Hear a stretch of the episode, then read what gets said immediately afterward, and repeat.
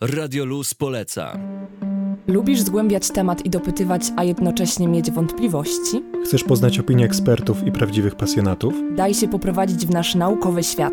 Pobudzamy ciekawość i szare komórki. Włącz na synapsach w środę o 17. I w soboty od 15 do 17 na 91 i 6 FM. Radio Luz poleca. No, jesteśmy w Świerkach konkretnie, w nieczynnym obecnie kamieniołomie Melafiru.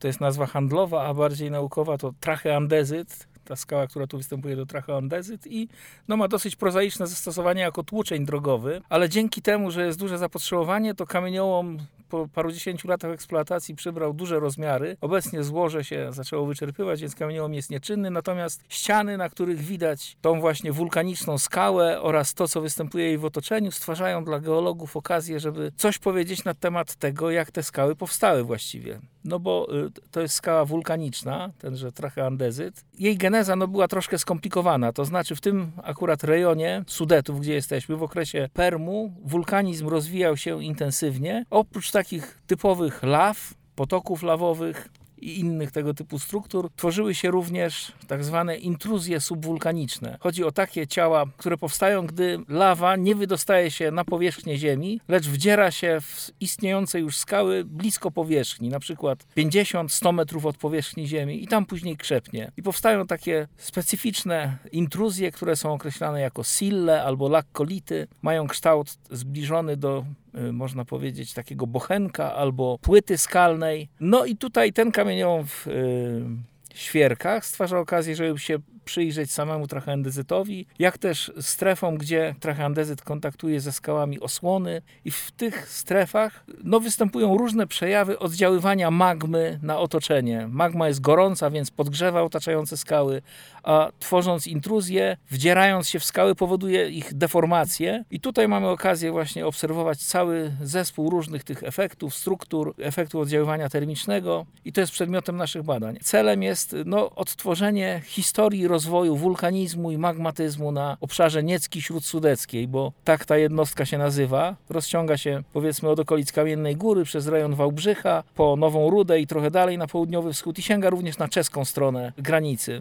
Także jest to duża jednostka geologiczna w sercu Sudetów, można powiedzieć. Ten wycinek, który badamy, no jest właśnie taki cenny dla geologów ze względu na występowanie kilku tego typu kamieniołomów, zatem to daje okazję do porównań różnych intruzji i ich poszukiwania ich cech wspólnych, ich cech specyficznych, co wzbogaca ten obraz, który usiłujemy odtworzyć. Są też w tym projekcie wątki takie y, y, no, dla mnie całkiem nowe, no bo badaniem tych skał powiedzmy zajmuję się już od początku swojej pracy na uniwersytecie, czyli już no, tam, od końca lat 90. ubiegłego wieku powiedzmy. No i jakimi tematami właśnie się pan zajmował tutaj akademicko? Doktorat robiłem też z tego typu skał, tylko nieco bardziej na północny zachód, właśnie w rejonie Wałbrzycha, Kamiennej Góry, a to jest można powiedzieć kontynuacja tych badań w kierunku południowo-wschodnim. Ale tutaj też dochodzi nowa metodyka.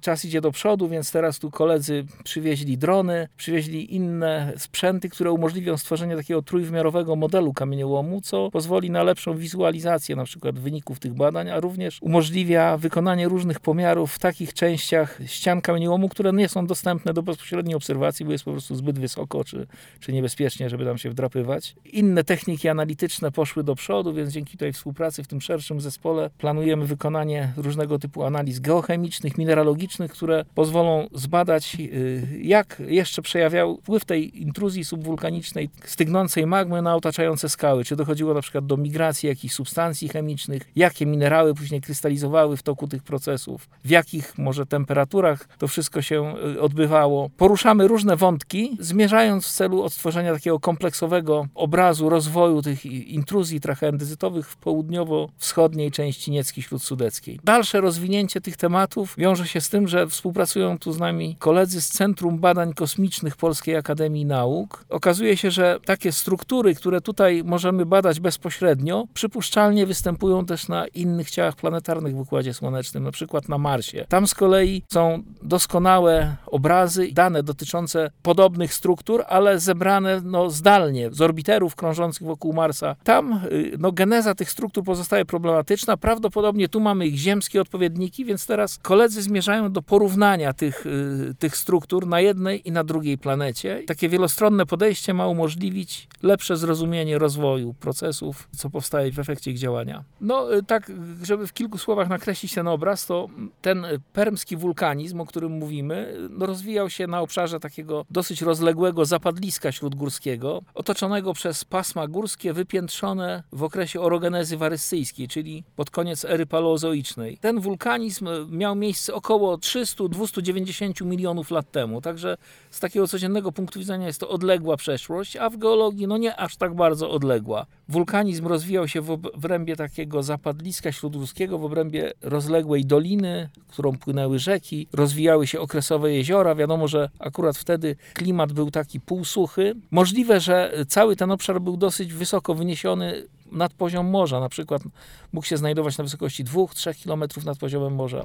I to nam daje taki kontekst geograficzny tego środowiska, w którym rozwijał się wulkanizm. No i y, wulkanizm był tu aktywny w okresie Permu przez te kilka, może kilkanaście milionów lat. Tworzyły się różne niewielkie stożki wulkaniczne, począwszy gdzieś tam od okolic Kamiennej Góry. Miejscami takie większe wylewy lawy, jak między Kamienną Górą a Lubawką w Górach Kruczych. Z kolei y, w centralnej części tego obszaru tak na pograniczu polsko-czeskim właśnie, między powiedzmy okolicami Mieroszowa przez Broumów, Broumow po Tłumaczów. W tym rejonie prawdopodobnie utworzyła się, z tego co dotychczas wiadomo, duże zapadlisko wulkaniczne kaldera, będące następstwem takiej no, już dużej, znaczącej erupcji wulkanicznej. A te trachandezyty, które tutaj oglądamy w świerkach, prawdopodobnie nawiązują do takich najmłodszych etapów rozwoju tych procesów magmowych. Po utworzeniu kaldery na jej obrzeżeniach tworzyły się właśnie takie intruzje subwulkaniczne, jak, jak odsłonięta w świerkach. To wszystko nie będzie się rozwijać bez, powiedzmy, klasycznego pobierania próbek. Zatem, panie profesorze, co dzisiaj właśnie robimy? Jakie próbki pobieramy? Tak, no rzeczywiście to wirtualnie nie wszystko da się zrobić z modeli jakichś cyfrowych, nawet trójwymiarowych, tylko trzeba przyjechać do odsłonięcia, obejrzeć skały, rozpoznać je, zidentyfikować, no i pobrać próbki, żeby określić próbki tych skał, po to, żeby określić, z czym właściwie mamy do czynienia, jakiego typu to jest materiał, jakie tam występują minerały, jakie mogły być warunki powstawania tych minerałów, na przykład w sensie temperatur. No i do, do tego fizycznie po prostu, w sensie takim, że musimy te, te próbki pobrać w terenie, zawieźć do laboratorium, tam przeciąć, zrobić z nich odpowiednie preparaty mikroskopowe i później badać je na, na, na różnych przyrządach. Ale wszystko zaczyna się tutaj w terenie. Ta baza geologiczna jest niezwykle ważna dla późniejszych interpretacji. Musimy wiedzieć na przykład skąd te próbki pochodzą, w jakiej odległości od kontaktu ze skałą magmową były pobierane. I badając serię takich próbek, które pochodzą z różnych miejsc, no możemy, możemy później łatwiej je zinterpretować. Jeżeli znamy ten kontekst geologiczny, to łatwiej zinterpretować te struktury, minerały, które są, które są w próbkach widoczne. Tutaj oczekujemy też, że właśnie pobieramy próbki, niektóre bezpośrednio przy kontakcie skały tej otaczającej strachę andezytem, inne próbki w większych odległościach, inne jeszcze dalej, no bo można się spodziewać, że na przykład temperatura zmieniała się z odległością od intruzji, więc oczekujemy, że również pewne zmiany będą widoczne w obrębie, w obrębie naszych próbek. Ten obraz, który nakreśliłem, to jeszcze jest wypracowany powiedzmy na, na bazie mojego doktoratu i późniejszych jakichś, jakichś prac. Tak jak wspomniałem, mamy teraz nowe metody, te drony, modele trójwymiarowe, różne możliwość wykonania różnych dodatkowych badań chemicznych, no i to myślę zweryfikuje i wzbogaci ten obraz, który, który ukształtowany jest w wyniku dotychczasowych badań.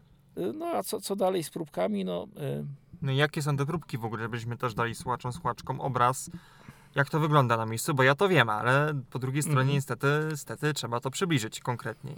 No to są próbki takie wielkości średnio, powiedzmy pół cegły, niektóre trochę większe, niektóre trochę mniejsze, ważą tak około kilograma czy dwóch. Czasem się zdarza, że, że pobiera się większe próbki. To po części też zależy od tego, co chcemy tam y, zbadać. Jeżeli chodzi tylko o jakiś mały preparat mikroskopowy, to próbka może być też niewielka. Taka próbka musi zostać przecięta. Często ujawniają się różne szczegóły, które na takiej naturalnej powierzchni niekoniecznie muszą być widoczne. Możemy wytypować miejsce, z którego wykonywany jest preparat mikroskopowy, ale też czasami bierze się większe próbki, na przykład takie wielkości 20 cm czy, czy ponad 20 cm, które po przecięciu mogą na tej przeciętej powierzchni ujawnić różne ładne takie struktury no, w większej skali, o większych rozmiarach. Jest to wszystko zależy no, od lokalnych warunków. Oglądamy skały, typujemy wstępnie miejsca i później no, pobieramy ostatecznie te próbki, które będą bardziej szczegółowo badane, które muszą być reprezentatywne dla tych badanych tutaj obiektów, jeżeli ten y, obraz, który ostatecznie uzyskamy, ma być taki wiarygodny. No i co jeszcze? Te takie podstawowe badania później już w laboratorium to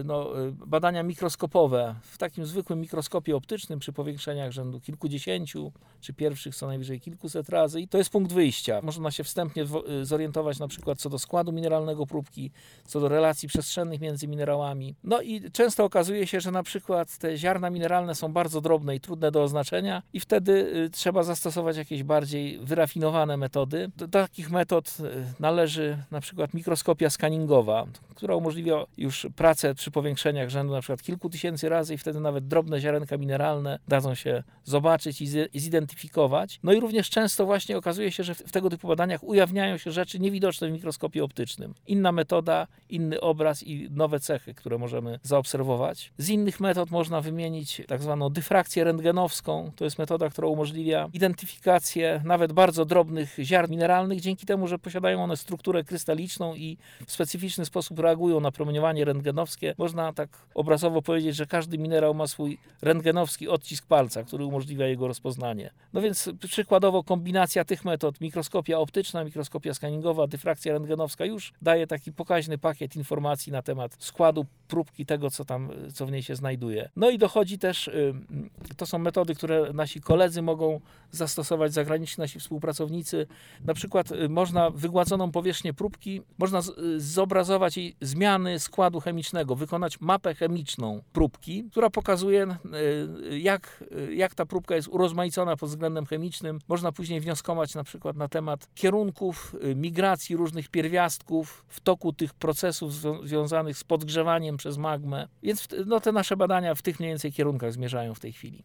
Tak, a co dzieje się poza tym jeszcze naukowego w Uniwersytecie Wrocławskim, bo w Pana przypadku to będzie Instytut Nauk Geologicznych, jak się domyślam. Tak, Instytut Nauk Geologicznych. No, sądzę, że dzieje się dużo. Pracuje tam kilkudziesięciu badaczy i no, są różne grupy zajmujące się szeroką problematyką, od takiej powiedzmy mineralogiczno-petrologicznej, która, która mnie interesuje, przez zagadnienia dotyczące innych skał krystalicznych czy osadowych, również zagadnienia złożowe, problematyka hydrogeologiczna, problematyka środowiskowa. Także te, te, zagadnienia no, są bardzo urozmaicone. Ludzie y, y, piszą projekty, uzyskują fundusze na badania, uzysk- uzyskują granty badawcze, pokazuje się co roku kilkadziesiąt publikacji w renomowanych czasopismach, także no, ta działalność jest bardzo, bardzo intensywna, powiedziałbym. No i Również- też wyjazdowa, jakby nie patrzeć. Wyjazdowa, tak, badania terenowe odgrywają oczywiście dużą rolę. W wielu wypadkach to jest początek, te- te badania terenowe są właśnie no, początkiem całej serii kolejnych y, badań laboratoryjnych. Również studenci włączają się y, w te badania coraz szerzej. Działa Studenckie Koło Naukowe Geologów, no i również poprzez realizację prac dyplomowych i na poziomie licencjatów, i na poziomie prac magisterskich. No, studenci włączają się w te badania. A jako, że wkrótce mamy matury, to możemy zachęcić e, osoby do zarekrutowania się akurat do Was na studiowanie geologii. Dla kogo są takie studia, albo właśnie co mogą pokazać w nas, co mogą nam dać i dlaczego warto właśnie się zastanowić nad geologią na Uniwersytecie Wrocławskim? No myślę, że y, dosyć często to może być taka troszkę indywidualna sprawa. Geologia na pewno ma różne oblicza, różne aspekty mogą człowieka zainteresować. Jeśli chodzi o mnie, no to y, mogę tak na, na swoim przykładzie powiedzieć, to co szczególnie dobrze wspominam na przykład z okresu studiów geologicznych, to te wszystkie wyjazdy terenowe. Można powiedzieć tak, że praca geologa na pewno zawsze ma taki duży ładunek kontaktu z przyrodą. Jeżeli ktoś lubi wędrówki po górach in, i interesuje go to, co mija po drodze, krajobrazy, skały, no to to wszystko jest geologia, która w ten sposób się manifestuje. No może to zaciekawić również pod względem takim y, y, naukowym, to znaczy chodzi mi tutaj nie tylko o taki powierzchowny ogląd, że o, ale tu ładnie, i- ale również, a co to takiego i właściwie dlaczego tak tu jest ładnie? Jakie procesy ukształtowały krajobraz? Co się kryje za tymi skałami, które gdzieś tam po drodze się odsłaniają, często tworzą różne, różne malownicze formy. Więc to jest na pewno taki duży aspekt związany z jakimiś wędrówkami, z kontaktem z przyrodą, ale później, no właśnie, chociażby to, czym, czym ja się zajmuję, te zagadnienia mineralogiczno-petrologiczne, to ciąg dalszy jest w laboratorium, więc również w geologii jest miejsce dla osób, które wolą y, może nie tyle gdzieś wędrować i y, y, dużo pracować w terenie, ale no, duże znaczenie mają te metody laboratoryjne. Próbki skał, czy też różnych takich materiałów środowiskowych, bo również w coraz większym zakresie geologia zajmuje się zagadnieniami środowiskowymi, a więc na przykład zanieczyszczenia, hałdy stare i różne takie takie problemy, więc no, te materiały bada się w laboratorium i to jest równie istotna część geologii. Sam, sam teren nie wystarczy, można powiedzieć. I co jeszcze? No oprócz tego oczywiście informatyka i zastosowania takie numeryczne. To też jest y, jeszcze jedna strona geologii. Również tacy, którzy interesują się właśnie zagadnieniami związanymi z komputerami, z analizą danych, opracowaniem danych, wizualizacją danych, również w tych y, dziedzinach nauk o Ziemi myślę, że znajdą, y, znajdą coś dla siebie. To jest, y, geologia jest bardzo szeroką dziedziną, czy nauki o Ziemi powiedzmy, no, od problematyki takiej mineralogicznej, która gdzieś tam zahacza też o złoża, o kamienie szlachetne, surowce, czy to chemiczne, czy jakieś skalne, czy, czy energetyczne, przez właśnie takie czysto naukowe, czysto naukową problematykę przyrodniczą, po różne zagadnienia o charakterze środowiskowym. Czyli wybór jest ogromny. Można badać, można działać naukowo, można działać w przedsiębiorstwach czy miejscach, gdzie właśnie jak na przykład surowce wspomniane się wydobywa i przetwarza, no bo byśmy na przykład tej rozmowy nie przeprowadzili bez surowców, no bo urządzenia, które używamy, one nie powstaną bez nich i nie powstałyby. Tak samo nasze radia, więc tak naprawdę wy macie wpływ na dużą część rzeczy, które nas otaczają, a sobie o tym y, chyba nie zdajemy sprawy. No tak, no oczywiście wydobycie y, surowców, poszukiwanie złóż to jest też jeden z takich bardzo istotnych aspektów i no, y, wszystkie te wątki, o których tutaj mówiliśmy, one w większym czy w mniejszym stopniu są również realizowane w naszym instytucie są badacze, którzy rzeczywiście naprawdę bardzo rozmaitymi dziedzinami się zajmują, no i też współpraca z innymi ośrodkami, nawiązywanie kontaktów i również dzięki temu możliwość rozszerzenia metodyki badawczej, możliwość nauczenia się nowych rzeczy, to w coraz większym stopniu jest, jest realizowane. Można powiedzieć, że no, ta współpraca od zawsze istniała, ale w dzisiejszych czasach szczególnej wagi nabiera. Więc możemy już właśnie tak to zgrabnie podsumować, że geologia niczym właśnie te wszystkie warstwy Ziemi łączą poszczególne historie, poszczególne wydarzenia w taką całość i wy dzięki swojej wiedzy jesteście w stanie z tego się dowiedzieć naprawdę mnóstwo ciekawych rzeczy. Dlatego oczywiście Radio Luz będzie wam patrzyło, że tak powiem, na ręce, bo z pewnością e, jest e, jeszcze o czym rozmawiać i na pewno też zaraz po tej rozmowie idziemy dalej badać. Także co jeszcze tutaj dzisiaj zbadamy? Bo my zdradzimy, że jesteśmy, że tak powiem, na przerwie obiadowej i co zrobimy jeszcze do wieczora tutaj. No więc w tej chwili opróbowaliśmy spongowy kontakt trachy andezytu, zatem idąc stratygraficznie w górę sekwencji przemieścimy się teraz w kierunku kontaktu stropowego i tam przeprowadzimy opróbowanie. A później pójdziemy na boki, żeby w innych miejscach kamieniołomu zobaczyć, czy wyglądają te struktury i skały podobnie, czy też są odmienne. I miejmy nadzieję, że dzisiaj uda nam się zrealizować wszystkie prace zaplanowane właśnie na świerki, no bo y, jutro kolejny dzień w innym miejscu. Tak, także u Was e, dzieje się mnóstwo, dlatego będziemy z pewnością pytać e, cały Instytut Nauk Geologicznych i Pana, Panie Profesorze, o to, co się dzieje właśnie z tym, e, co dzisiaj też pobraliśmy. A za poświęcony nam czas dziękujemy oczywiście wszyscy, którzy wysłuchaliśmy tej rozmowy, panu profesorowi Markowi Awdankiewiczowi z Uniwersytetu Wrocławskiego. Dziękuję bardzo, pozdrawiam wszystkich słuchaczy.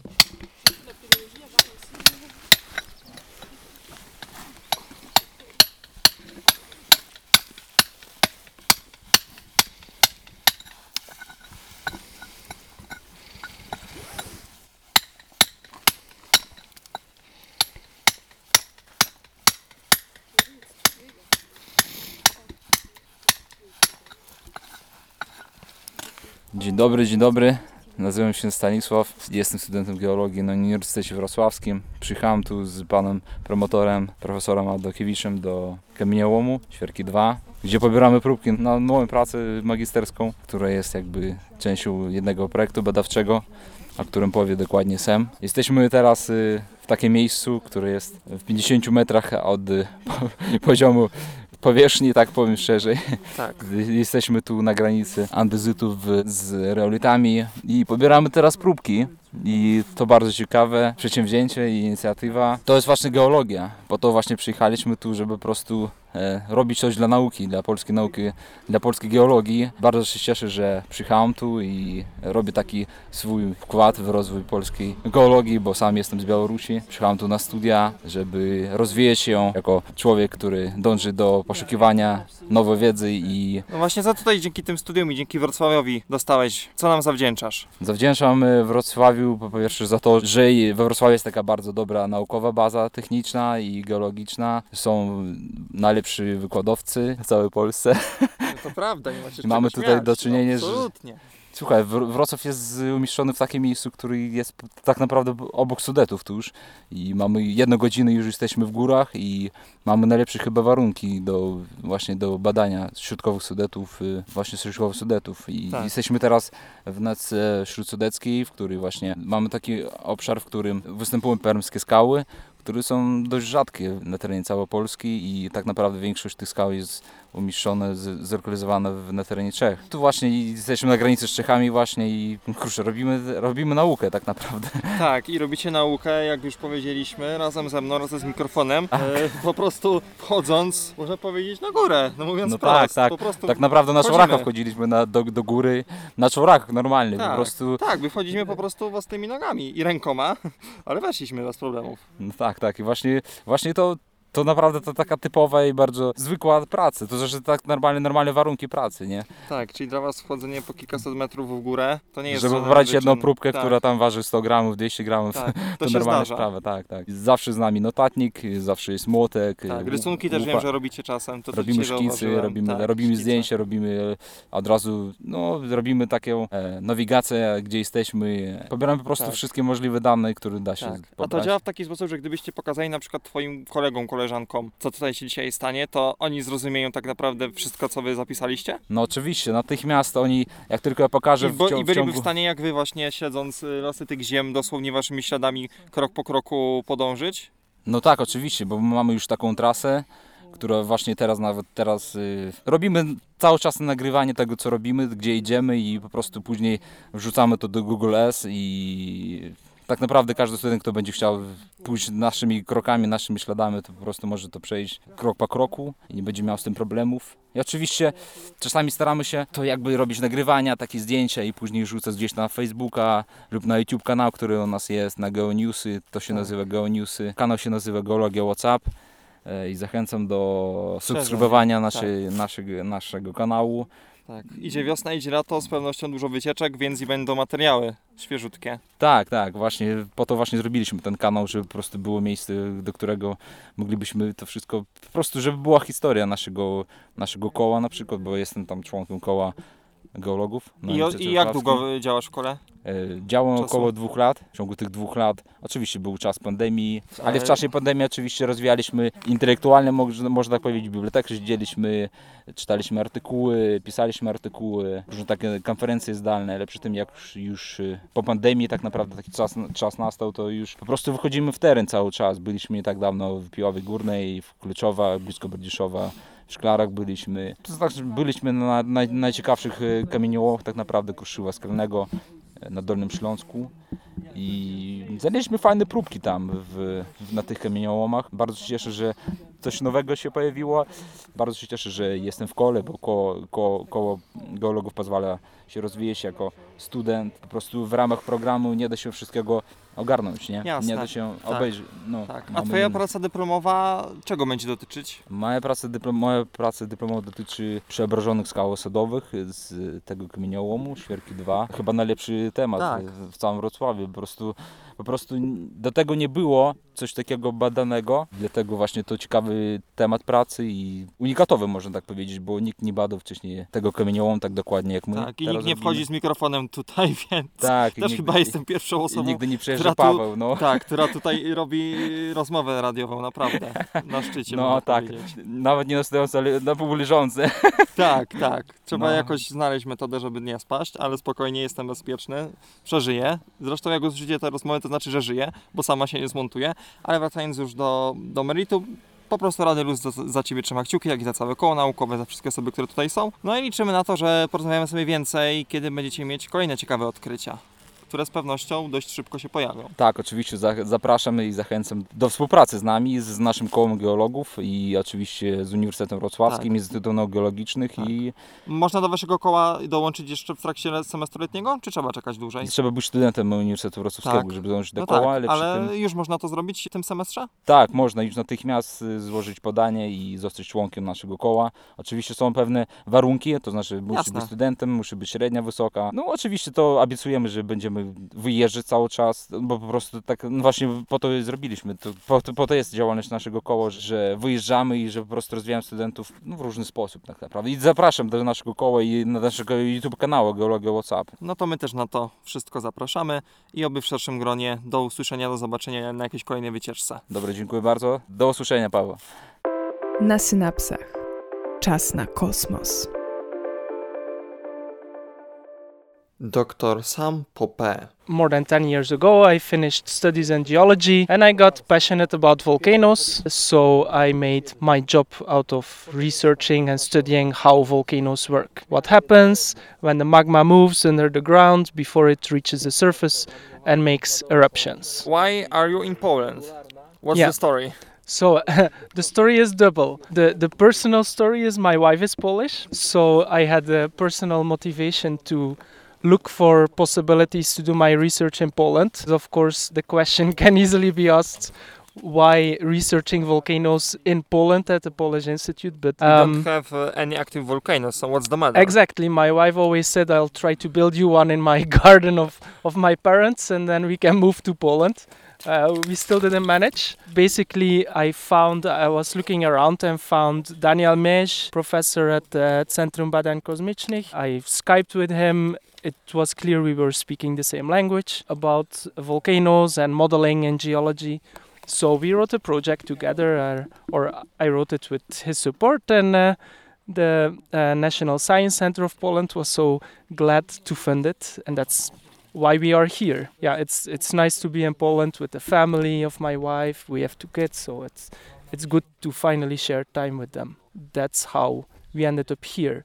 And then at Centrum Badań Kosmicznych, the exciting part is that we can try to compare active volcanoes on Earth with extinct uh, volcanoes, old signs of volcanism, geologically old ones on the moon and on Mars. It was unexpected for me, even because I, I didn't know about the geology of Poland until I met Professor Marek Avdankiewicz and we started talking. You're researching volcanoes in Poland, how is that? And through him, I got to know the region. And there are key differences, of course. Gravity is lower on the moon, definitely, and on Mars as well as on Earth. Rocks can be a bit different, but the overall mechanisms of how magma intrudes, injects into the crust and, and comes more shallow, how it's deforming the rocks around it is pretty similar, we think. So there are analogies, there are differences. And by looking at signs of magma uh, intrusions, so where the ground has been deformed on the moon or on Mars,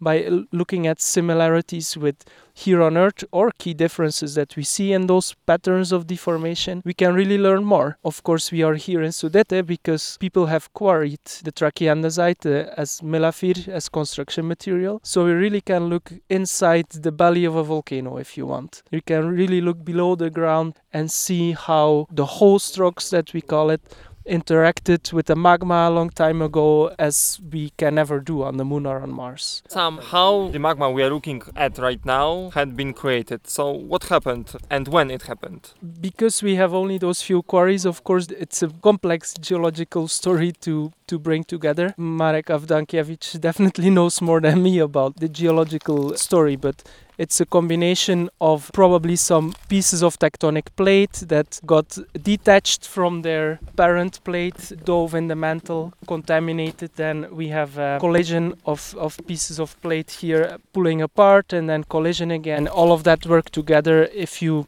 change the, the pressure in the mantle below the Earth's crust, you can start melting up parts of that mantle. So either you do that by extending or by collision, maybe subducting plates they often bring water into the mantle also and water lowers so decreases the melting temperature of the mantle material so basically this water makes it easier for this mantle to melt. And then this magma that is created, the liquid rock, is rising up through the crust below our feet. And then at some point, it has enough of rising up and it stalls itself in a nice spot where it's easy to stay, or maybe it continues to the surface to make an eruption. So, of course, there's a very complex geological history behind all that because we're looking at rocks that are 250 to 300 million years old. So that's it's Yeah. old stuff. Uh, so, Sam, uh, what's your job here today? Which kind of pieces we are we bringing home? There's two uh, targets for our fieldwork now. The first one is to try to image the 3D geometry of those magma bodies. So that's why we have colleagues from Politechnika Warszawa here also. They are flying a drone and gathering photographs and later they can make on on the computer they can produce 3D models, 3D images if you want of the quarry. In geological software we can start to draw and interpret the 3D geometry of the roof of the magma body. So that's one part. And it really can be quite accurate, all of those simulations. Yes, yes. The, those models at the highest resolutions, it's centimeter size resolutions of the photographs and of the precision because they use high precision GPS to localize the whole model very good. So they they are really experts on uh, building Yeah. those high precision Yeah. models. So, the technology is your best friend, basically. Definitely, definitely. Technology has completely changed geology in the past 10 years only. We have that, we have drones we can use, we have high precision GPS. So that's one part. And then with the team of researchers and students that we are here from CBK and from uh, the University of Wrocław, we are taking geological samples in key places below and above this magma intrusion in the host rock and we will do two things with that. We will try to analyze the geochemistry, make thin sections, which are uh, thin plates of the rock, which we can look at under a microscope to try to look at the minerals. Did minerals change because of the magma intrusion, etc.? So, did the magma intrusion affect this rock? That's one. And the second one is we are going to try to test how strong those rocks are. All of that information will help us to inform a numerical model, a computer model that some of us are building that really simulates the intrusion of magma. So we have a computer model that can really simulate how magma is deforming all the rock around it. So, can you say how long it will take to prepare such a model? How long does it take? Well, the the model itself is, is being built right now because it's an application of an existing software, let's say. Okay. So we have to adapt it. We don't have to write all the code from from zero, and it's we not have that bad. so that's good and, and that's going well but now of course putting all the geologically correct information in is uh, a longer work but project is until the summer of next year the project is called demo planet and it's till the summer of next year so then we have to have some kind of product it will never be the final product because science is never finished And it's not But, uh, uh, yeah. the essence of science. Science is not there to be finished. Uh, science always brings new questions. It's not bad. Science, No. science is always developing. That's why we never ever have the eventual answer for lots of questions. No, I'm very happy to hear you say that because the idea of progressive knowledge, so ever changing knowledge as you discover new things, is Yeah, super you important can say for that science. Uh, people are often uh, quite open-hearted uh, towards the science, but they are simply worried. Well, we have to embrace uncertainty, we have to embrace error, and we have to continue thinking critically. And scientists are trained to do that, to think critically, even here with the team that we are here. we Yes, are even here we have up, heard up that in the mountains. we are discussing, we are talking about different You can disagree also theories. as well. You can disagree. We can go home and and we can disagree, and that's totally fine. We are still the best friends. Yeah. It's, it's no problem. So it's really important that discussion is necessary in science because without that, you don't get progress. If you are just happy with the very first explanation and you don't think one step further, then uh, many things wouldn't have been discovered. So that's just part of science. And what does it mean? For example, if you have an active volcano, and the question will always be many journalists have asked me in the past about some volcano, maybe in Iceland, when will it erupt? Yeah. And it- so that's the first thing we have in minds. Yeah, but the the question is more complex. First of all, really when it's always very difficult to say, but what we can do is try to list all the possible scenarios. They can go for certain volcanoes from zero, no chance for eruption, all the way till the most the, mo- the largest, most explosive eruption a volcano can produce. And uh, so we have, say, four or five scenarios, and then we try to use geology or maybe measurements of earthquakes, etc., to try to quantify the probability that each scenario will occur. And then we will see, for example, that the zero scenario, no eruption, the chance on it will be 80%. In 80% of the possibilities in the near future, there will be no eruption. And only in 20% of the cases, uh, there will be an eruption. And even then, there, there can be different scenarios. And we do that by looking at the whole history, like in the geology, uh, how big were the eruptions a volcano produced, how many eruptions, what is on average the frequency of these eruptions. So there's a lot of geological information, measurements of earthquakes, this deformation also using satellites, GPS stations. All of that can go into calculating what the probabilities for different scenarios are. And then we to people look the chances on this or this to happen is this or this big. So we don't know what will happen, but we know pretty well what might happen. Exactly. That's Yes. the, the difference. So, Sam, I'm wondering that as a volcanologist, a geologist, what surprised you about our Earth, about our history? I, I think most unusual. Overall, I'm fascinated by volcanoes just because that's where you really feel that our Earth is alive. It's not just static below our feet. Things are moving. And Okay, things are moving right now. Poland is quite a, a quiet region. We have s- some earthquakes might uh, happen in the south, but n- not really as much as as in very active regions. Yeah. But let's say go south uh, to the Mediterranean Sea, and the situation is uh, quite different. Uh, there we go with probability. There's more probability earthquakes happen there than here in Poland. Okay. If you stand on a volcano, you smell the gases, you feel the heat, you might see some signs of deformation of recent eruptions still steaming away. It gives a rush of adrenaline and it really shows you that, yeah, You can Our- really sense uh, the, the situation. yeah. It's- It, it's Earth is changing uh, all the time, and that's yes, where you can quite, see uh, it really.